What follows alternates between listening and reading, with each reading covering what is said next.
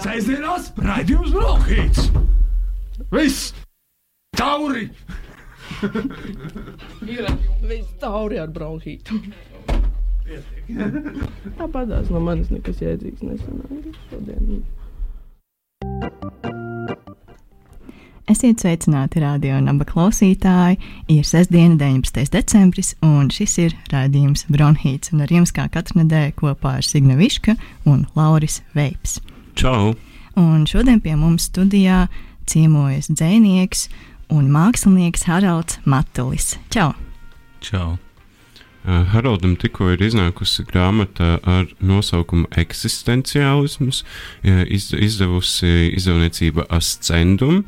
Uh, un uh, ievadot sarunu, uh, gribēju, gribēju tev uh, pajautāt, nē, nu, pirmkārt, pakomentēt. Man, man radās iespējas par šo grāmatu kā par tādu garīgu ceļojumu sešās, uh, sešās uh, nodaļās.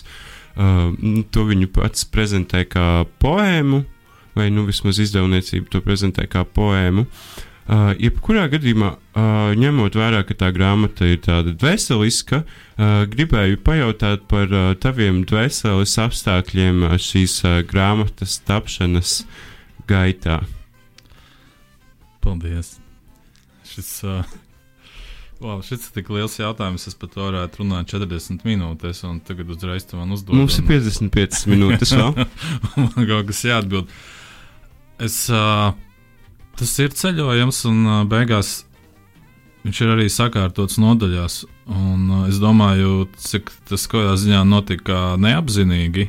Nu, kaut kādas gaumas un, un, un, un stilā ieradumi lika mums viņu sakārtot tik smukā ceļojumā. Jo īstenībā pa vidu un rakstot, man viena no intencēm bija translēt šo neskaidrības sajūtu, ka tu pilnīgi nevari savākties, tu nevari izteikt, kas ar tevi notiek, un ir šausmīgi grūti to pārdot kā ceļojumu.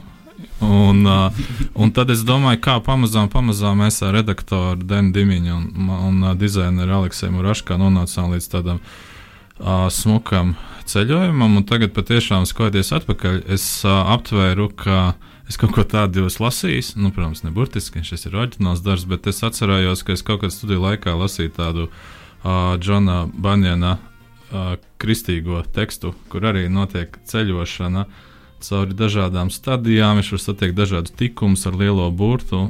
Nu, un beigās ir kaut kas līdzīgs kā manā grāmatā, bet to mēs pagaidām neatklāsim intrigu. Nu, jā, tad, bet jā, tiešām tas iespējas ir par, iespējas ir, gribu salīdzināt ar, ar, ar reliģiskām grāmatām patiesībā lielā mērā.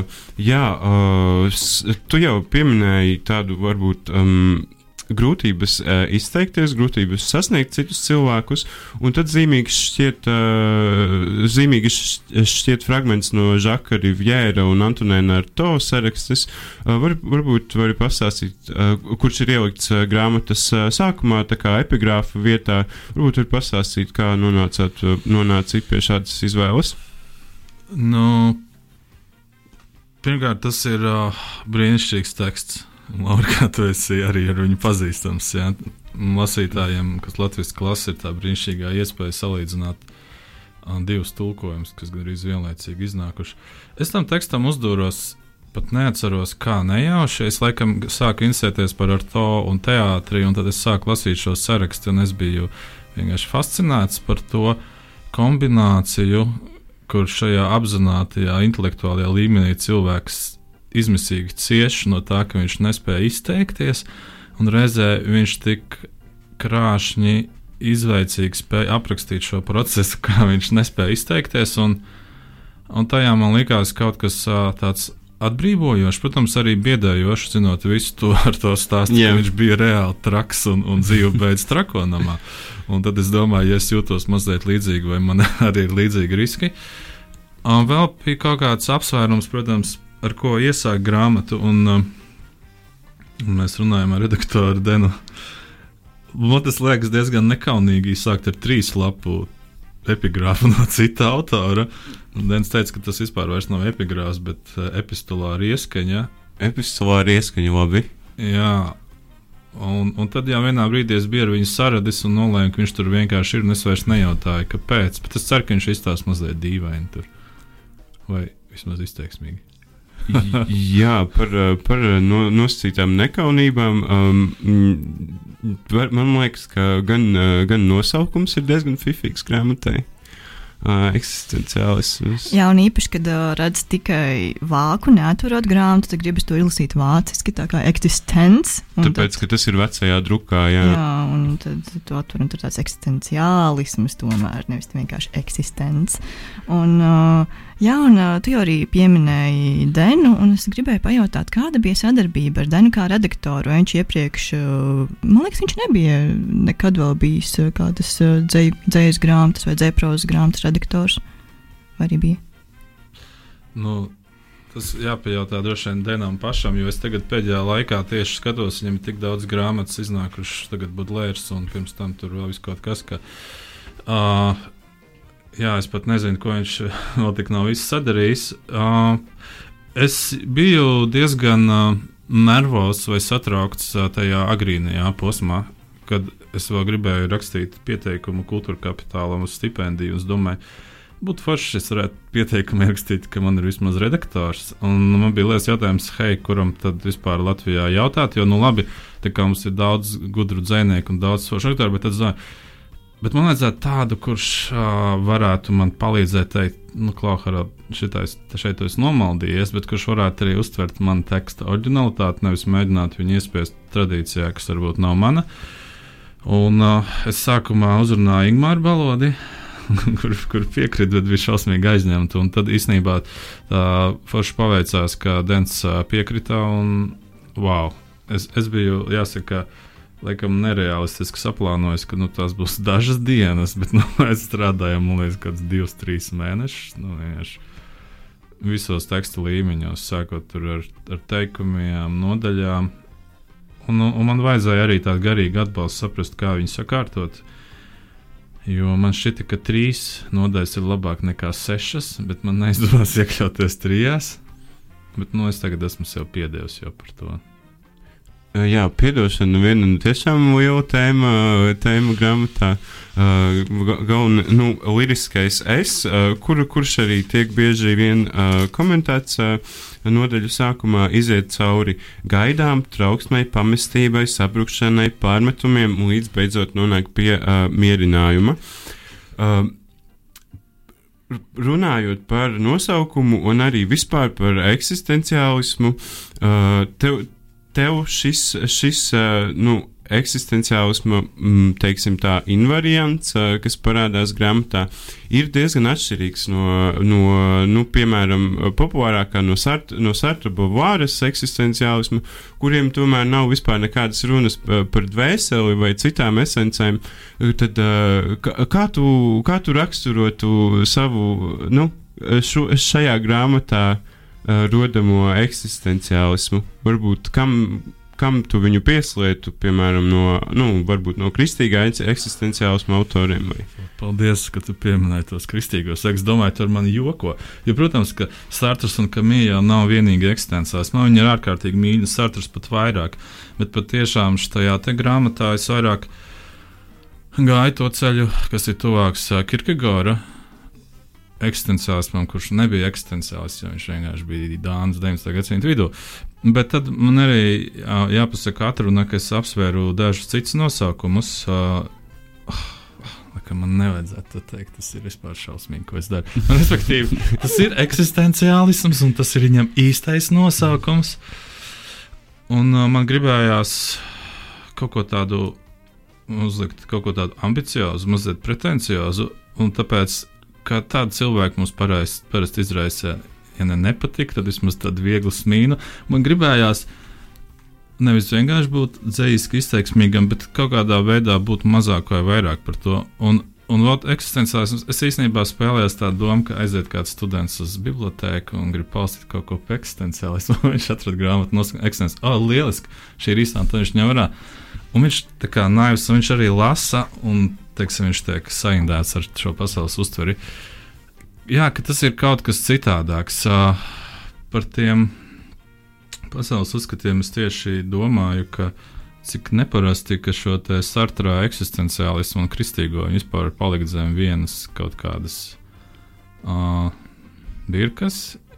Jo, nu, labi, mēs atceramies Sartra nelabumu un to varoņu ciešanas, bet kādā ziņā man šķiet, ka, ka Sartram tas viss tomēr ved uz to, ka cilvēkam jābūt dzīvi apliecinošam projektam, tādam kreisi noskaņotam, solidāram, kas tik ļoti atšķiras no tiem afektiem, kas ir tādā kristīgā eksistenciālismā. Un, uh, jā, nu, es arī šajā grāmatā tuvojos garīgām substancēm. Mm -hmm. Un man liekas, ka tas ir jāatspoguļojas kaut kādā ziņā grāmatas stilā, tāpēc ka uh, tu, tā vārdu kārtība, nu, man viņa uh, daudzās vietās, nu, man viņa atgādināja vairāk kādu, nu, piemēram, Bībeli. Uh, es gribēju jautāt, uh, tad, uh, nu, kā tu nonāci pie šīs uh, grāmatas stila, kā tu saprati, ka viņu vajag šādi rakstīt? Tāpēc, ka Uh, iepriekšējā tev grāmatā vidusšķiras problēmas tomēr ir uh, nu, krietni, krietni citā stilā, stilā rakstīta. Paldies, ka tu mani salīdzini ar, piemēram, Bībeli. Tas man liekas, wow. Uh, un patiešām es pie tā stila nonācu ar, ar grūtībām. Es biju tad, tad kļuvis par, par atzītu autoru debitantu, un es domāju, nu labi, ko lai es daru tālāk dzīvēm. Un, ja iepriekšējā grāmatā aptver tādus sociāli politiskus jautājumus un kā uz viņiem atbildēt, kas nenoliedzami ir ļoti svarīgi ikvienam saprātīgam, kritiski domājošam Latvijas pilsonim, sevišķi ar augstāku izglītību un tā tālāk. Bet tad es tos atrisināju, un tad es varēju ķerties pie, pie eksistenciāliem jautājumiem, kas ir saistīti jā, ar manu garīgo eksistenci Un uh, sākumā bija, bet to es to nevaru izteikt. Nu, sākumā nebija sākuma, jo es nezināju, kur es dodos, es nezināju, kur es nokļūšu.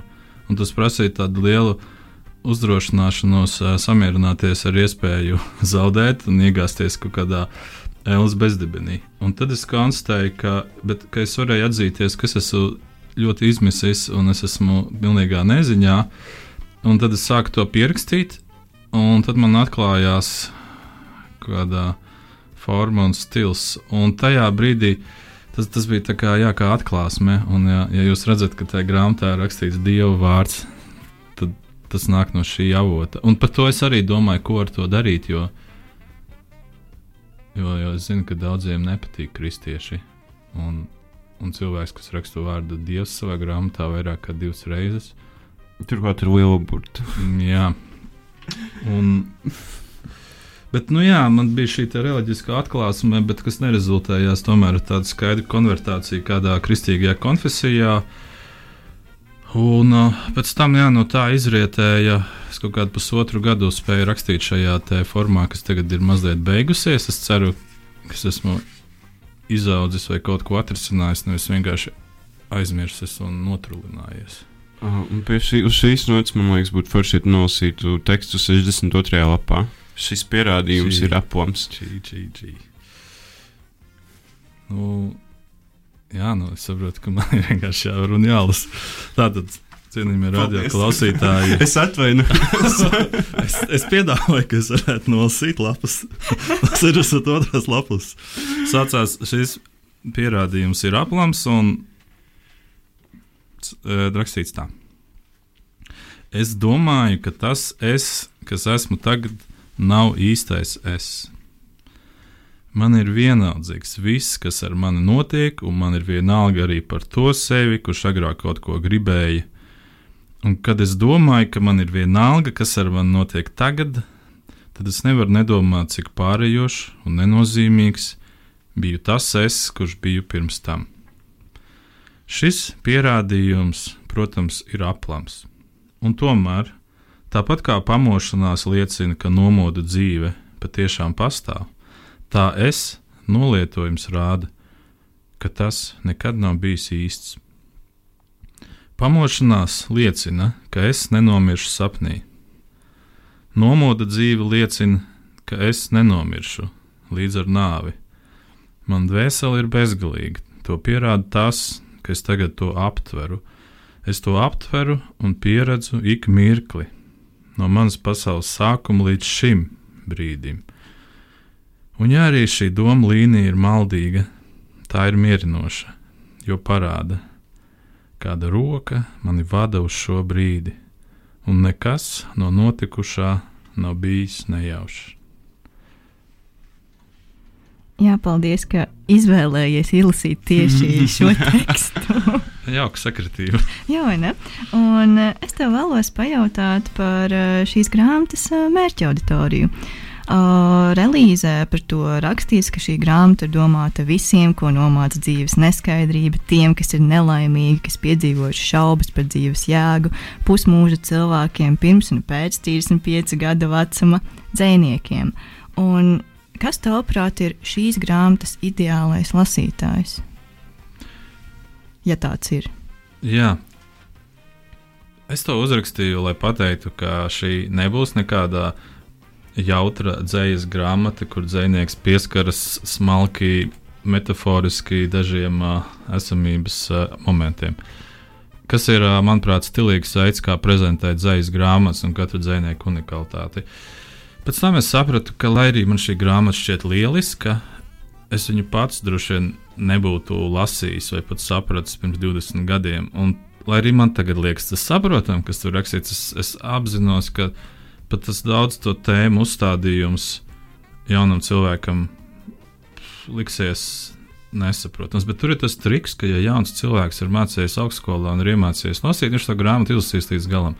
Bet es domāju, ka, ka viņš neuztvers daudzas lietas. Bet es domāju, arī es gribēju pateikt to speciāli, lai izaicinātu tos jauniešus, kuriem grib atrast kaut ko dziļu un pārbaudīt. Un tāpēc es pierakstīju beigās dziniekus, jo, protams, ka kad dzinieks sāk ciest agrāk un pazīst ciešanas labāk. Un, un tāpēc es domāju, ka dzinieks sākot no 18 gadu vecuma jau ir piemērota auditorija. Nu, un, un tad es domāju, ka ka mēs ieslēdzam televizoru vai kādu kultūras raidījumu, mēs kā sākumā ķeramies pie izklaides, bet patiesībā, ka, ka bieži vien mēs gribam gūt kaut kādu mierinājumu, un es domāju, ka tas attiecās uz cilvēkiem visā. Visos vecumos, un es gribēju tā pieklājīgi uzrakstīt, ka šis nav obligāti priekš cilvēkiem, kas tagad ir akurāti depresijā, bet ka priekš visiem, kas jūt tādu eksistenciālu izmisumu, es varbūt cerams, varētu cerēt, varētu kādas mazumiņas viņiem Mhm. dot. Un uh, runājot arī par lasīšanu, 39. lapusē rakstīts. Šeit nav rakstīts nekas svarīgs. Es tikai gribu, lai lasa lēnāk, viena vai divas dzējoļas dienā. Vai tu gribētu, lai lasītāji šādi attiecas pret šo grāmatu, lai lasītu lēnām, nevis lielos gabalos, un visu vienā elpas vilcienā? Jā, wow. Uzreiz atklāji manas grāmatas noslēpumu. Es, es gaidīju, ka man jautās, kāpēc grāmatā ir vecā druka, un es teikšu, nu es jau nevaru visu pateikt priekšā, bet 39. grāmatā lapspusē ir rakstīts. Uh, es par to daudz domāju, jo, ja man liktos, ka tas ir pieklājīgi un pašsaprotami, es droši vien būtu tajā titula lapā ierakstījis, lūdzu, lasiet ne vairāk kā divas dzējoļas dienā. Tajā brīdī man tas likās vienkārši nepieklājīgi, bet, bet jo vairāk iet laiks, es domāju, bet tas taču ir normāli. Tad, kad tu ej uz teātri vai uz filmu, tu rēķinies ar to secību un to laiku, kādā režisors tev to prezentē. Kamēr ar grāmatām faktiski autors ir šī lasītāja nu, patvaļas neaizsargāts lasītājs, kurš negausīgi var vaļā un domā, o, oh, es esmu mīlestīgs pret autoru, izraušu to vienā dienā. Un tas saprot, hei, hei, hei. Nu, nē, tas tā kā ar zālēm. Zinu, kā kaut kādas zāles, kuras vajag lietot pakāpienas, tā kā nedēļas cikls. Uh, Jā, bet es domāju, būtu labi, ka es tomēr neuzrakstīju, ka jālasa ir lēnām, jo es gribu, lai lasītājs arī piedzīvo to zaudējumu sajūtu līdzīgi kā es. Es nevarēju izteikt, un viņš nevarēs izlasīt pareizi, jo viņš tikai 39. lapas pusē uzzina, ka vajadzētu lasīt lēnāk.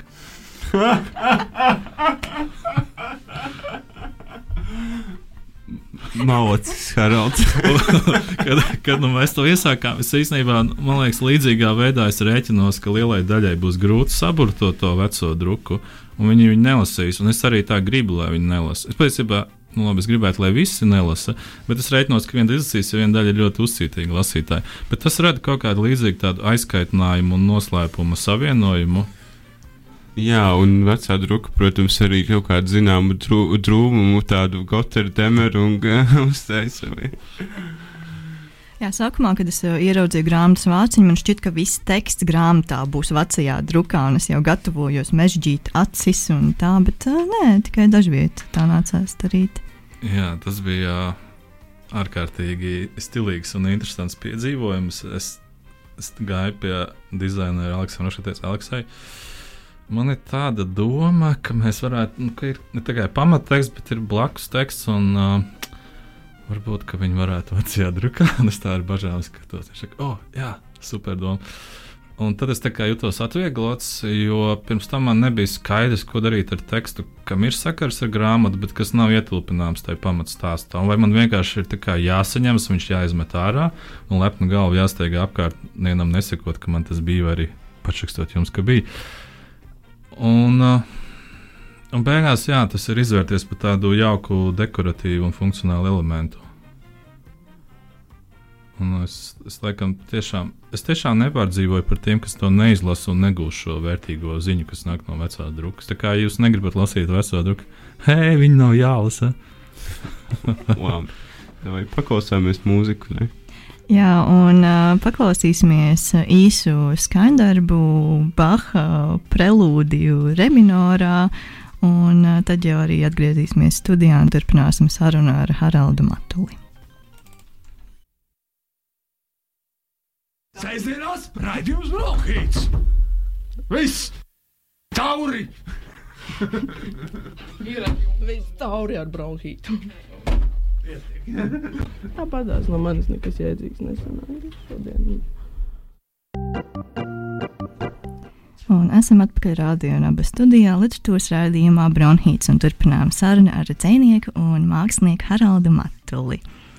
Un pat uh, ēterā izskanēja Baha skaņdarbs, un arī Bahs šur tur ir pieminēts uh, tavā grāmatā. Kā tu varētu komentēt savas uh, attiecības ar Bahu, ja tā te var saukt? Mm.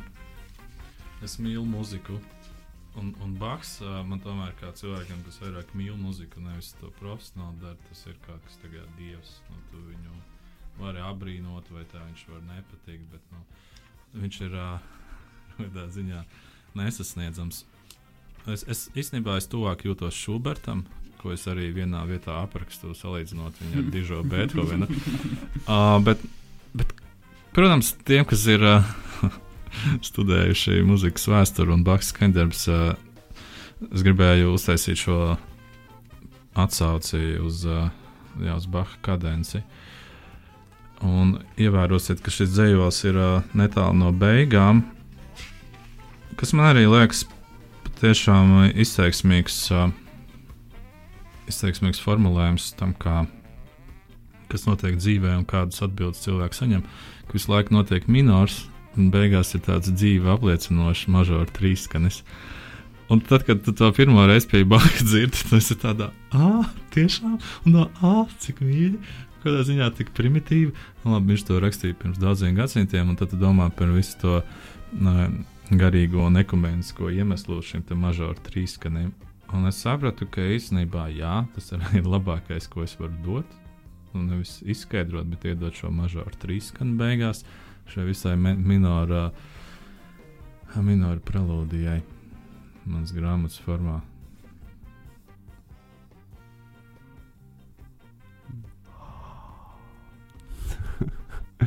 Un uh, tad varbūt, uh, varbūt vēlreiz nolasīt uh, to tekstu. Kad uh, interesanti sakritība, es tieši domāju, ka es varētu nolasīt to tekstu. Nolasīt, jā. uh, bet, lai būtu lasītājiem tomēr motivācija šo grāmatu iegādāties, varbūt nelasīšu līdz pilnajām beigām, bet līdz pusbeigām. Mm -hmm. Jo šim dzējolim ir tādas pusbeigas. izmisums. Tā ir nespēja izteikties. Nekas cits. Ar gadiem es iemācījos poētiku bez izmisuma. Es par to runāju, es runāju par to, ko nespēju izteikt, un runāju uz to ilgi, kā uz iemidzinām bērnu, un runāju ilgi, kā pēc nogurdinošas darba dienas ceļā mājup, un runāju ilgi un rauju Beigās izmisums bija pazudis. Kādā grāmatā es izlasīju rindas: viņš slepeni iekļuva manā dārzā, kad nakts bija apvijusi kokus. Patiesi, apvija ir tas, kā nakts nekustīgi skauj kokus dienvidos. Es gribēju par to izstāstīt pirms daudziem gadiem. Es to visu redzēju, es biju tam liecinieks, un man bija ceļa biedra, un es viņai rādīju, un viņa arī redzēja, un viņa saspieda manu roku, un viņa paļāvās uz mani, un arī es paļāvos rakstījams par dienvidu kokiem un par dienvidu upēm un par laivām, kādas tās peld pa upi, un par zemi un zāles stiebriem un daudz ko citu. Sarakstīju un jūtu, nav. Es biju neziņā. Es taču rakstīju visu pareizi, es rakstīju labi, un es rakstīju izteiksmīgi. Pieminēju vietu nosaukums, vietējo koku vārdus - magnolijas, mandelis, olīvas, cipreses un pīnijas. Es aprakstīju krāsas, okeru un umbru, bet tas tomēr nestrādāja. Jutos dusmīgs uz cilvēkiem, kur nesapratu, jo nebija bijuši, kur es, nebiju redzējuši to visu savām acīm. Es zināju, ka es pats nebūtu tam ticējis, jo kā var iztēloties to, ko neesi redzējis? Es atgriežos šajā dienvidu ainavā pēc daudziem gadiem, un es sev piedodu. Es piedodu dienvidu ainavai, kas bija tik izteiksmīga pirms 20 gadiem, un ir tikpat izteiksmīga tagad. Es vērošu šajā ainavā, skatiens slīd pār plato koku nekustīgajiem zariem. Es ar glāstu pieskaros platāns stumbram. Es smaidu, jo zinu, ka to nevar aprakstīt. Jā, paldies. Tev. Um, mm, zinu, ka tev ir uh, pašam uh, sagatavoti uh, jautājumi un atbildes. Um, tu esi atnācis uz studiju. Um, Ļoti sagatavojies. ļoti labi bruņojies. Uh, nu, varbūt, uh, varbūt tu vēlēsies arī uh, dalīties uh, tajā. Jā, es varētu nolasīt jautājumu, un tad sniegt atbildi. Nu, tas ir svarīgi, jo es domāju, nu, man, protams, ir svarīgi, lai lasītāji pareizi uztver manu grāmatu. Protams, es to nevaru pilnībā kontrolēt. Kaut kādā brīdī labākais, uz ko es varu cerēt, ka viņi vienkārši mīlēs manu grāmatu, mīlēs mani un cildinās un teiks labus vārdus. Bet kamēr vēl tā sabiedriskā doma nav izveidojusies, es varu jau pats stāstīt, kas tur ir, lai viņi zinātu, ko atkārtot un ko man jautāt. Jo īstenībā ar pirmo grāmatu tā bija diezgan neparasta pieredze. Nu, it kā patīkami man teica labas lietas, un tie, kas saprata, un tie, kas nesaprata, teica, ka viņi nesaprot. Nu, bet tas bija patīkami. Bet vienā brīdī es sajūtu, ka es jau esmu aizmirsis, ko patiešām es ar to domāju. Es kādā ziņā piesavināju to, ko man teica, un mēģināju reflektēt par to. Un, uh, tāpēc man bija svarīgi uzrakstīt, ko es ar to grāmatu domājis. Ja tas izklausās mazliet neveikli, ja jau man tas ir jāpieraksta, varbūt tas nav saprotams. Es, es gribēju padalīties ar vienu lietu, kas um, varbūt tieši bronhīta klausītājiem ir tuvāk. Jo man bija sākumā tā iecerta par to, ka tā ir trīsdaļīga. Trīsdaļīga grāmata, kur pirmā sākas tādām ciešanām, gaidām un tādu pozitīvu vēlmi, bet nespēja sakontaktēties ar pasauli. Un, un beigās bija jābūt skaidrs kaut kādai atbildēji, tāda kā samierināšanās. Un tad ir jautājums, ko likt pa vidu, un pa vidu ir uh, sadaļa, nu, tipiskā psiholoģijas sadaļa ar dusmām. Bet tad man likās, hei, dusmas tas izklausās tā kā mazliet cildināk, un tad es sapratu, ka es labāk to saukšu par pārmetumiem, jo tas izklausās nu, pietiekami sīki. Un, un es, es gribēju. Es gribēju atzīties visos savos trūkumos, nu, un skaidrs, ka bieži vien tie, ko mēs apskaužam, vai uz ko mēs skatāmies, nu, nav tie, kas skaitās, varbūt tie lielie. Nu, lielie cilvēki. Un es, nu, un es gribēju pateikt, jā, ka faktiski man liela daļa kā to fantāziju ir ap dzīsniekiem. Ap reāliem dzīsniekiem, kas ir Latvijā, ap lielajiem dzīsniekiem, un tad ir visas tās attiecības. Tā kā kurš ar tevi kā sveicinās, cik viņš ir laipns, kurš tevi saprot, kurš tev kaut ko saka, kurš saprot tu.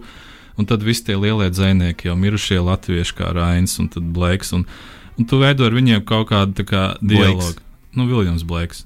Ah, okay, labi, jā, labi. Uh, un, uh, un, un tur kā, kā ir tas, tas baltais stāsts par to, ka, jā, ka tu tur abrīno viņus, un tā, bet skaidrs, ka tur ir ļoti daudz arī tādas skaudības un greizsirdības. Un, Un tad tu redz arī tos zīmējumus, kā dzīves cilvēks ar visiem saviem trūkumiem un kā viņi kā dara kādas lietas. Un es domāju, ka man to vajadzēja uzrakstīt, un es sarakstīju diezgan daudz dzējojis par zīmējumiem. Un, uh, un, arī par dīdžejiem. Jo dzinieki, dzinieki un dīdžeji nu, tie varbūt ir tādi redzamākie sabiedriskās dzīves veidotāji, kas nu, ir man tie orientieri. Un, un, un tajā brīdī, vienkārši, kad viņi nav forši pret mani, vai viņi ir forši, bet neizturas labi pret mani, es vienkārši palieku dusmīgs, un tad sāksies viss šis nenovīdības cikls. Tas domā, ka viņi nav tik forši, viņi īstenībā ir stulbi un tā. Un, bet tu netiec no tā ārā, kamēr tev nesaka, jā, Harald, tev tā reāli ir, un es to visu gribēju uzrakstīt un publicēt un atzīties. Labi. es iespējams esmu pietiekami arī kaut ko aiztušējis, lai nebūtu skaidrs, lai kāds neapvainojas, ka es viņu kaut ko sliktu saku. Bet es pēc tam saskaitīju kaut kādus, man liekas, 15 līdz 20 zīmējumus tur esmu pieminējis. Brīnišķīgi. Jā, un runājot par dzīsniekiem, 86. lapā tu raksti, mani satrauc lasīt citu dzējoļus. Tas ir kā mācīties jaunu svešu valodu un kura varbūt no nesenāk apgūtajām svešvalodām tev šķitusi saistoša vai pilnīgi nesaprotama, un varbūt arī tieši tāpēc intriģējoša. Hmm. Nu, es es vienkārši to psiholoģisko. Nu, man tas reāli satrauca. Nu, agrāk, kad es biju jauns, man jās, bija jāsaprot, ko te zvejnieki raksta. Nu, teiksim, ja es nesaprastu nevienu, es domāju, hei, viss ir ok, man vienkārši jāiet studēt inženierzinātnes, zvejnieki ir stulbi. Bet ir kaut kādi zvejnieki, kurus tu lasi un tu esi sajūsmā. Bet ir kaut kāda paralēla vēl 80%, kas ar viņiem ir vienā tusiņā, un tu lasi, un tu nesaproti, kāpēc tas vispār ir. Un, uh, man liekas, ka man ir jābūt iecietīgam un saprotošam. Un, uh, bet vienā brīdī es no tā noguru, un tad es pārstāju lasīt zēju uz daudziem gadiem. Es pirms kādiem trim gadiem atsāku, jo man bija ļoti nopietna doma, ka man jāuzraksta šī mana zējas grāmata. Un tad, kā es esmu studējis arī akadēmisko rakstīšanas, nu, man ir jāiepazīst, kas tad īsti ir sarakstīts. Nu, es tā kā zināju, bet es metodiski gāju uz biblioteku un lasīju dažādus pārstrālu latviešu autors, bet arī, arī šo te dzēprozas kārdu verdiņā grāmatu, jo es sapratu, ka man tas stils varētu būt uz dzēprozas puses, un es atklāju daudzas fantastiskas lietas. Un, un varbūt arī tajā nu, vairumā, kad viņi tev visi jau nāk pretī kā Olimpa dievu galerija, es spēju vieglāk viņiem piedot un vienkārši priecāties par to katru piekto vai katru desmito, kas man ir sajūsminošā veidā uzrunāja. Un es uh, atradu, jā, gan pie latviešu dzējas vairākus, kas kaut kādā ziņā man nomierināja. Nu, sākot ar to, ka es, sapratu, ah, es drīkstu šitā rakstīt, šitā ir ok. šitā ir daļa no dzīslas. Bet saprotiet, uzreiz tam līdzi nāk tam, ah, šitā jau ir uzrakstīts pirms 15 gadiem. Oh, es nevaru tā rakstīt. Nu, labi, labi. Tad es to tā kā atmetu un vienkārši rakstu tā kā es. Jūs droši vien gribat dzirdēt uzvārdus. Nē, nu es minēšu Martu, Martu Pujātu noteikti. Nē, tu man speciāli kaitini, nu taču nē. Es Martu Pujātu jau sen pazīstu. Nē, nu bet tā. Uh, apzinātā veidā, nē, nu, protams, viņš man ir grandiozi ietekmējis. Bet es drīzāk esmu mēģinājis no viņa atsvabināties un atradināties. Šīs te grāmatas kontekstā es atklāju Inga Jābelē, tāda brīnišķīga dzēprozes grāmatā atgāzenes stācijas zirgi. Uh, es atklāju Rūtas Mežavilkas uh, brīnišķīgu dzēprozu no apmēram, manuprāt, 2000. 2000, 2010. gadu pa vidu, kur bija kaut kas no šo jauno cilvēku dusmīguma, kurš jau izpaužas tādā kā nenovīdīgā skaudībā. Un es uh, mazliet metodiskāk palasīju Andriu Ogriņu, tieši tos viņa dzēprozes gabalus, un arī domāju, oh, wow. Pēc tam gan jau skaties atpakaļ, ko es esmu sarakstījis ar kā teikt, es nevaru uzlikt šiem cilvēkiem atbildību vai pat meklēt kādas tiešas līdzības, bet bet lasīšanas laikā tas man tā kā patīkami atbrīvoja, kad es viņus iepazinu no latviešu autoriem. Mm. Nu, Marta Pujāta pieminēja, tāpēc, ka tev, nu, tie, tie teksti daži ir tādi, nu, tur nedzējiskiem, tādiem klāji nedzējiskiem pa, paņēmieniem, it kā pa laikam oper, operēt. Nu, tā es to raksturotu. Okay. Man par to jāpadomā. Man, man liekas, ka Marts Pujāts ir ļoti poētisks. Un, uh, Vien, nu šajā ziņā viņš tieši paplašina to poētisko valodu. Man vienmēr šķiet interesants, mm -hmm. un reizē mm -hmm. Tur ir šī muzikalitāte, tā skaitā fonētiskā, ar to intelektuālo uh, fonu, kur dažreiz tu vari atpazīt, un citreiz tu vari nojaust. Tas viss man, protams, ārkārtīgi valdzināja. Es teiktu, ja, ja tur ir kaut kāda līdzība, un, un ko es lasot pie Marta, tad nodomāju, oh, wow, viņš izdarīja arī to. Tad viņam tajā pēdējā, šobrīd pēdējā pieaugušo grāmatā par lampu ir tas dzējos par to dzīvnieku, kurš vairākas reizes tuvojas kupicei. Atcerieties, tur kaut kāda melnāja krūma, un tas dzīvnieks nāk un grāvis ir palicis savs no apakšas. Kaut, kaut kas tāds, un, un es pilnīgi jūtu, ka es kaut ko esmu no tā pārņēmis eh, vai pieņēmis kaut kas gan par to atkārtošanos, gan par to kontaktēšanos ar dabu, gan par to, ka tas dzīvnieks iet cauri telpai un tam nav nekādas jēgas, bet viņš turpina to darīt atkal un atkal. Viņš ir mazliet apmulsis. Mm, jā, man liekas, ka par, par Martu Pujātu un, un tevi tas, tas arī ir viens uh, kopīgs pavadiens, ka jums tomēr ir kaut kādi kā, nu, cilvēka stāvokļa raksturojumi. Nu. Daudzus tekstus tā var uztvert. Paldies!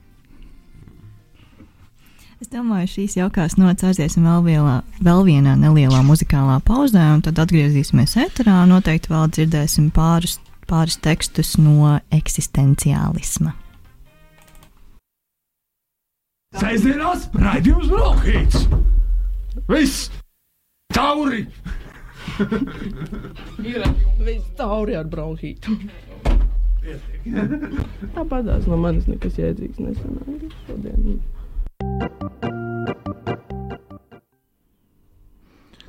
Zejos par mīlestību. Mana sieva ir dziniece. No rīta es eju uz darbu. Man patīk strādāt. Kad es eju, mana sieva vēl guļ. Es viņu nemodinu, Es viņu ļoti mīlu. Mana sieva nav tāds cilvēks, kuram patīk strādāt. Darbs viņai nesniedz gandarījumu. Es gribu viņu no tā pasargāt. Tāpēc es eju, strādāju un gādāju iztikšanu mums abiem. Bet mana sieva pa dienu gulšņā uz terases klausās putniņus un pa laikam pieraksta dzējoļus, kas viņai ienākuši prātā. Es viņu ļoti mīlu un gribu, lai viņa ir laimīga. Ja viņa ir priecīga, tad mājās valda svētība. Viņa zina, ka es par viņu rūpējos. Bet ne jau tas ir galvenais. Es par viņu rūpētos arī, ja viņa to nezinātu. Tas nav tik būtiski. Es skatos uz viņu un redzu cilvēku, kurš var nestrādāt un justies labi. Es viņu mīlu, un viņas piemērs dod cerību. Šis līdzsvars ir trausls, un man ir jāpieskata, lai viņas dzīvē ir vieta melanholijai, sarunām ar draugiem, maziem darbiņiem, izpalīdzēšanai citiem, jo bez tā cilvēks var nogurt, un bezdarbība kļūst nomācoša. Šādā līdzsvarā mēs dzīvojam jau dažus gadus. Un kamēr pavasari nomaina vasara, un tai atkal seko ziema, un mums pietiek naudas, lai aizbrauktu rudens ceļojumos, es ar cerībām domāju, ka šo līdzsvaru varētu noturēt. Līdz brīdim, kamēr kāds no mums paliks vecs un nomirs. Bet tam gadījumam es ceru, mēs būsim sakrājuši pietiekami daudz naudas, lai viņu varētu iztikt, ja es būšu tas, kurš nomirs pirmais bet ja pirmā nomirs viņa, tad problēmas atkrīt, jo man tāpat dzīvē citu būtisku interesu nav. Es tikai gribu, lai mana sieva ir laimīga un skatīties uz viņu.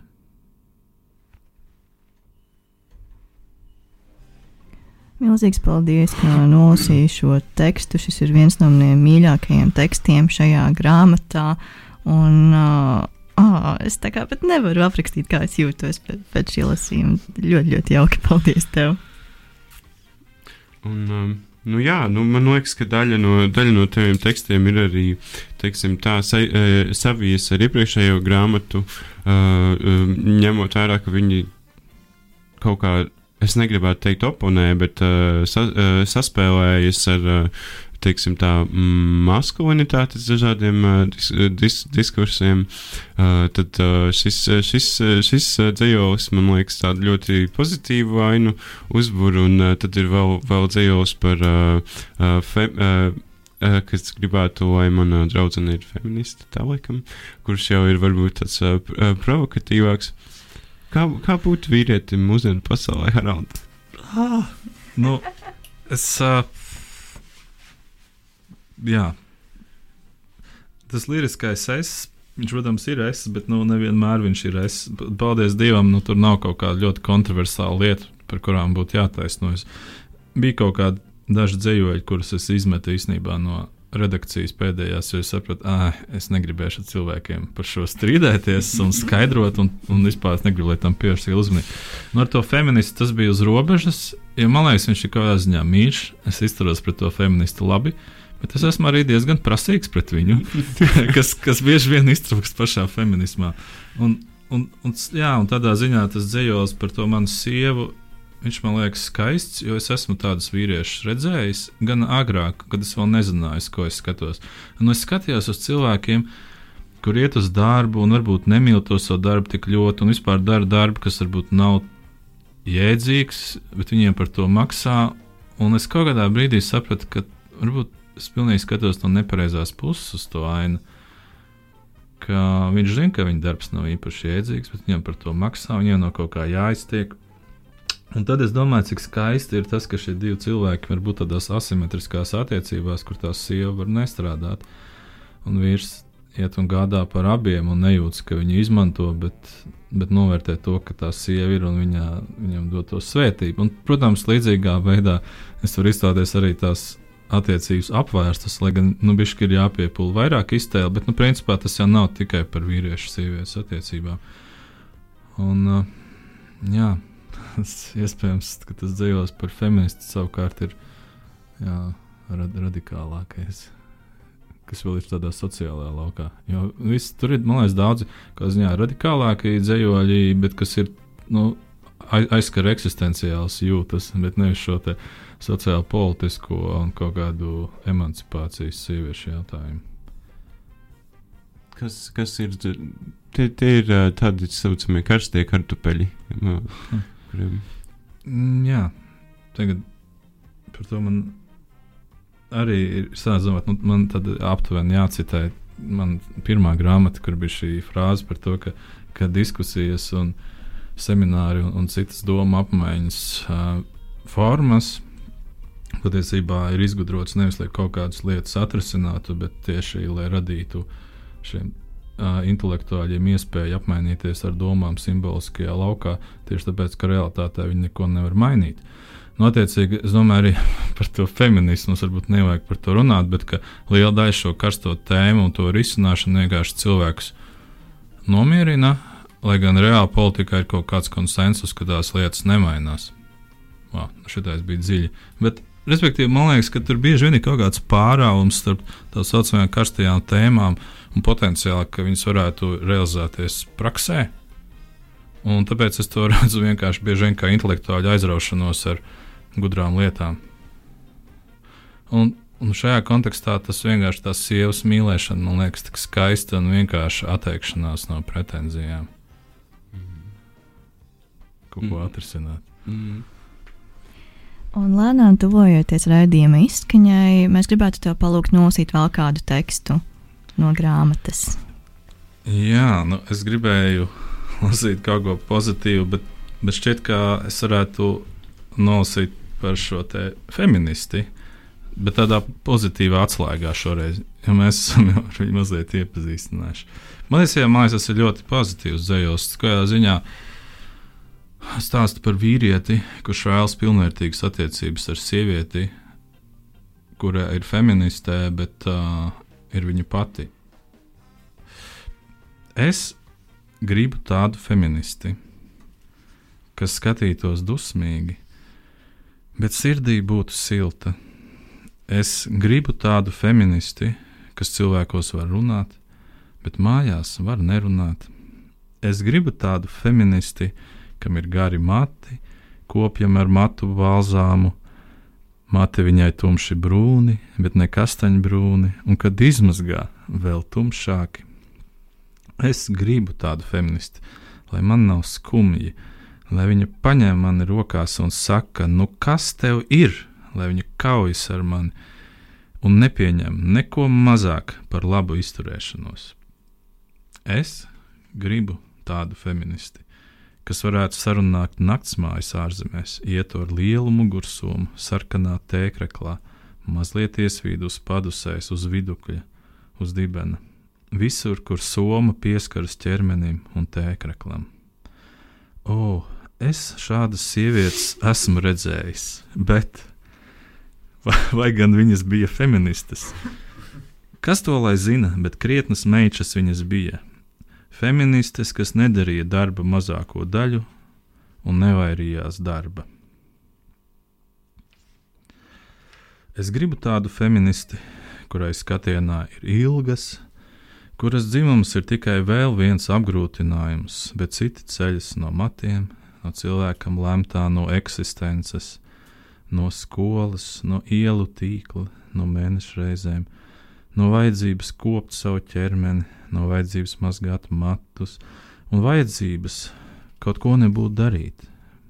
Jo ārpus tā, ārpus šīs ikdienības, nav nekā, kas pasargātu no esamības lielā nekā.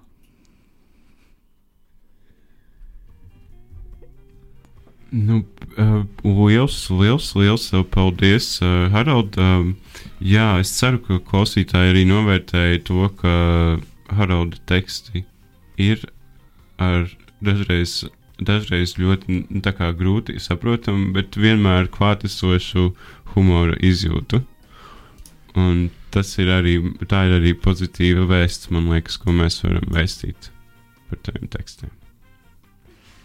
Jā, paldies, ka atnāci ar mums parunāties par eksistenciālismu. Un bija prieks tevi satikt, dzirdēt, dzirdēt arī tavus tekstus, un noteikti ieskām arī klausītājiem iepazīties ar uh, šo tavu jaunāko darbu, ko tagad nu, jau var pasūtīt uh, internetā un arī atrast Jāņa Rozes grāmatnīcās. Iepriekš pasūtot, jo grāmatas grāmatnīcā tik ne, diemžēl nevar vienkārši aiziet. Tā kā lieciet zem eglītēm, dāviniet draugiem un uh, un lasiet grāmatas. Paldies, tev, Harald! Sūtu visiem empātiju. Mm. Un mēs ar klausītājiem tiekamies jau nākamgad. Jā, šis ir tā kā sezonas neliels pārtraukums uz nedēļu, un tad jau tiksimies nākamgad un klausieties mūsu rādio nabu, un arī tagad arī Spotify un citās vietnēs, kur var atrast podkāstus. Jā, mēs esam priecīgi par šādu arī formāta nelielu maiņu. Radio viļņos viss kā parasti, dzirdēsiet arī mūziku, bet uh, podkāstos dziesmas ir izgrieztas un atrodamas atsevišķā uh, skaņu celiņā, ko arī var atrast turpat Spotify. Jā. Tā kā uz sadzirdēšanos jau nākamgad bija prieks ar jums būt kopā šogad, un lai visiem veselību un laimīgu jauno gadu jau tagad. Laimīgu jauno gadu! Atā!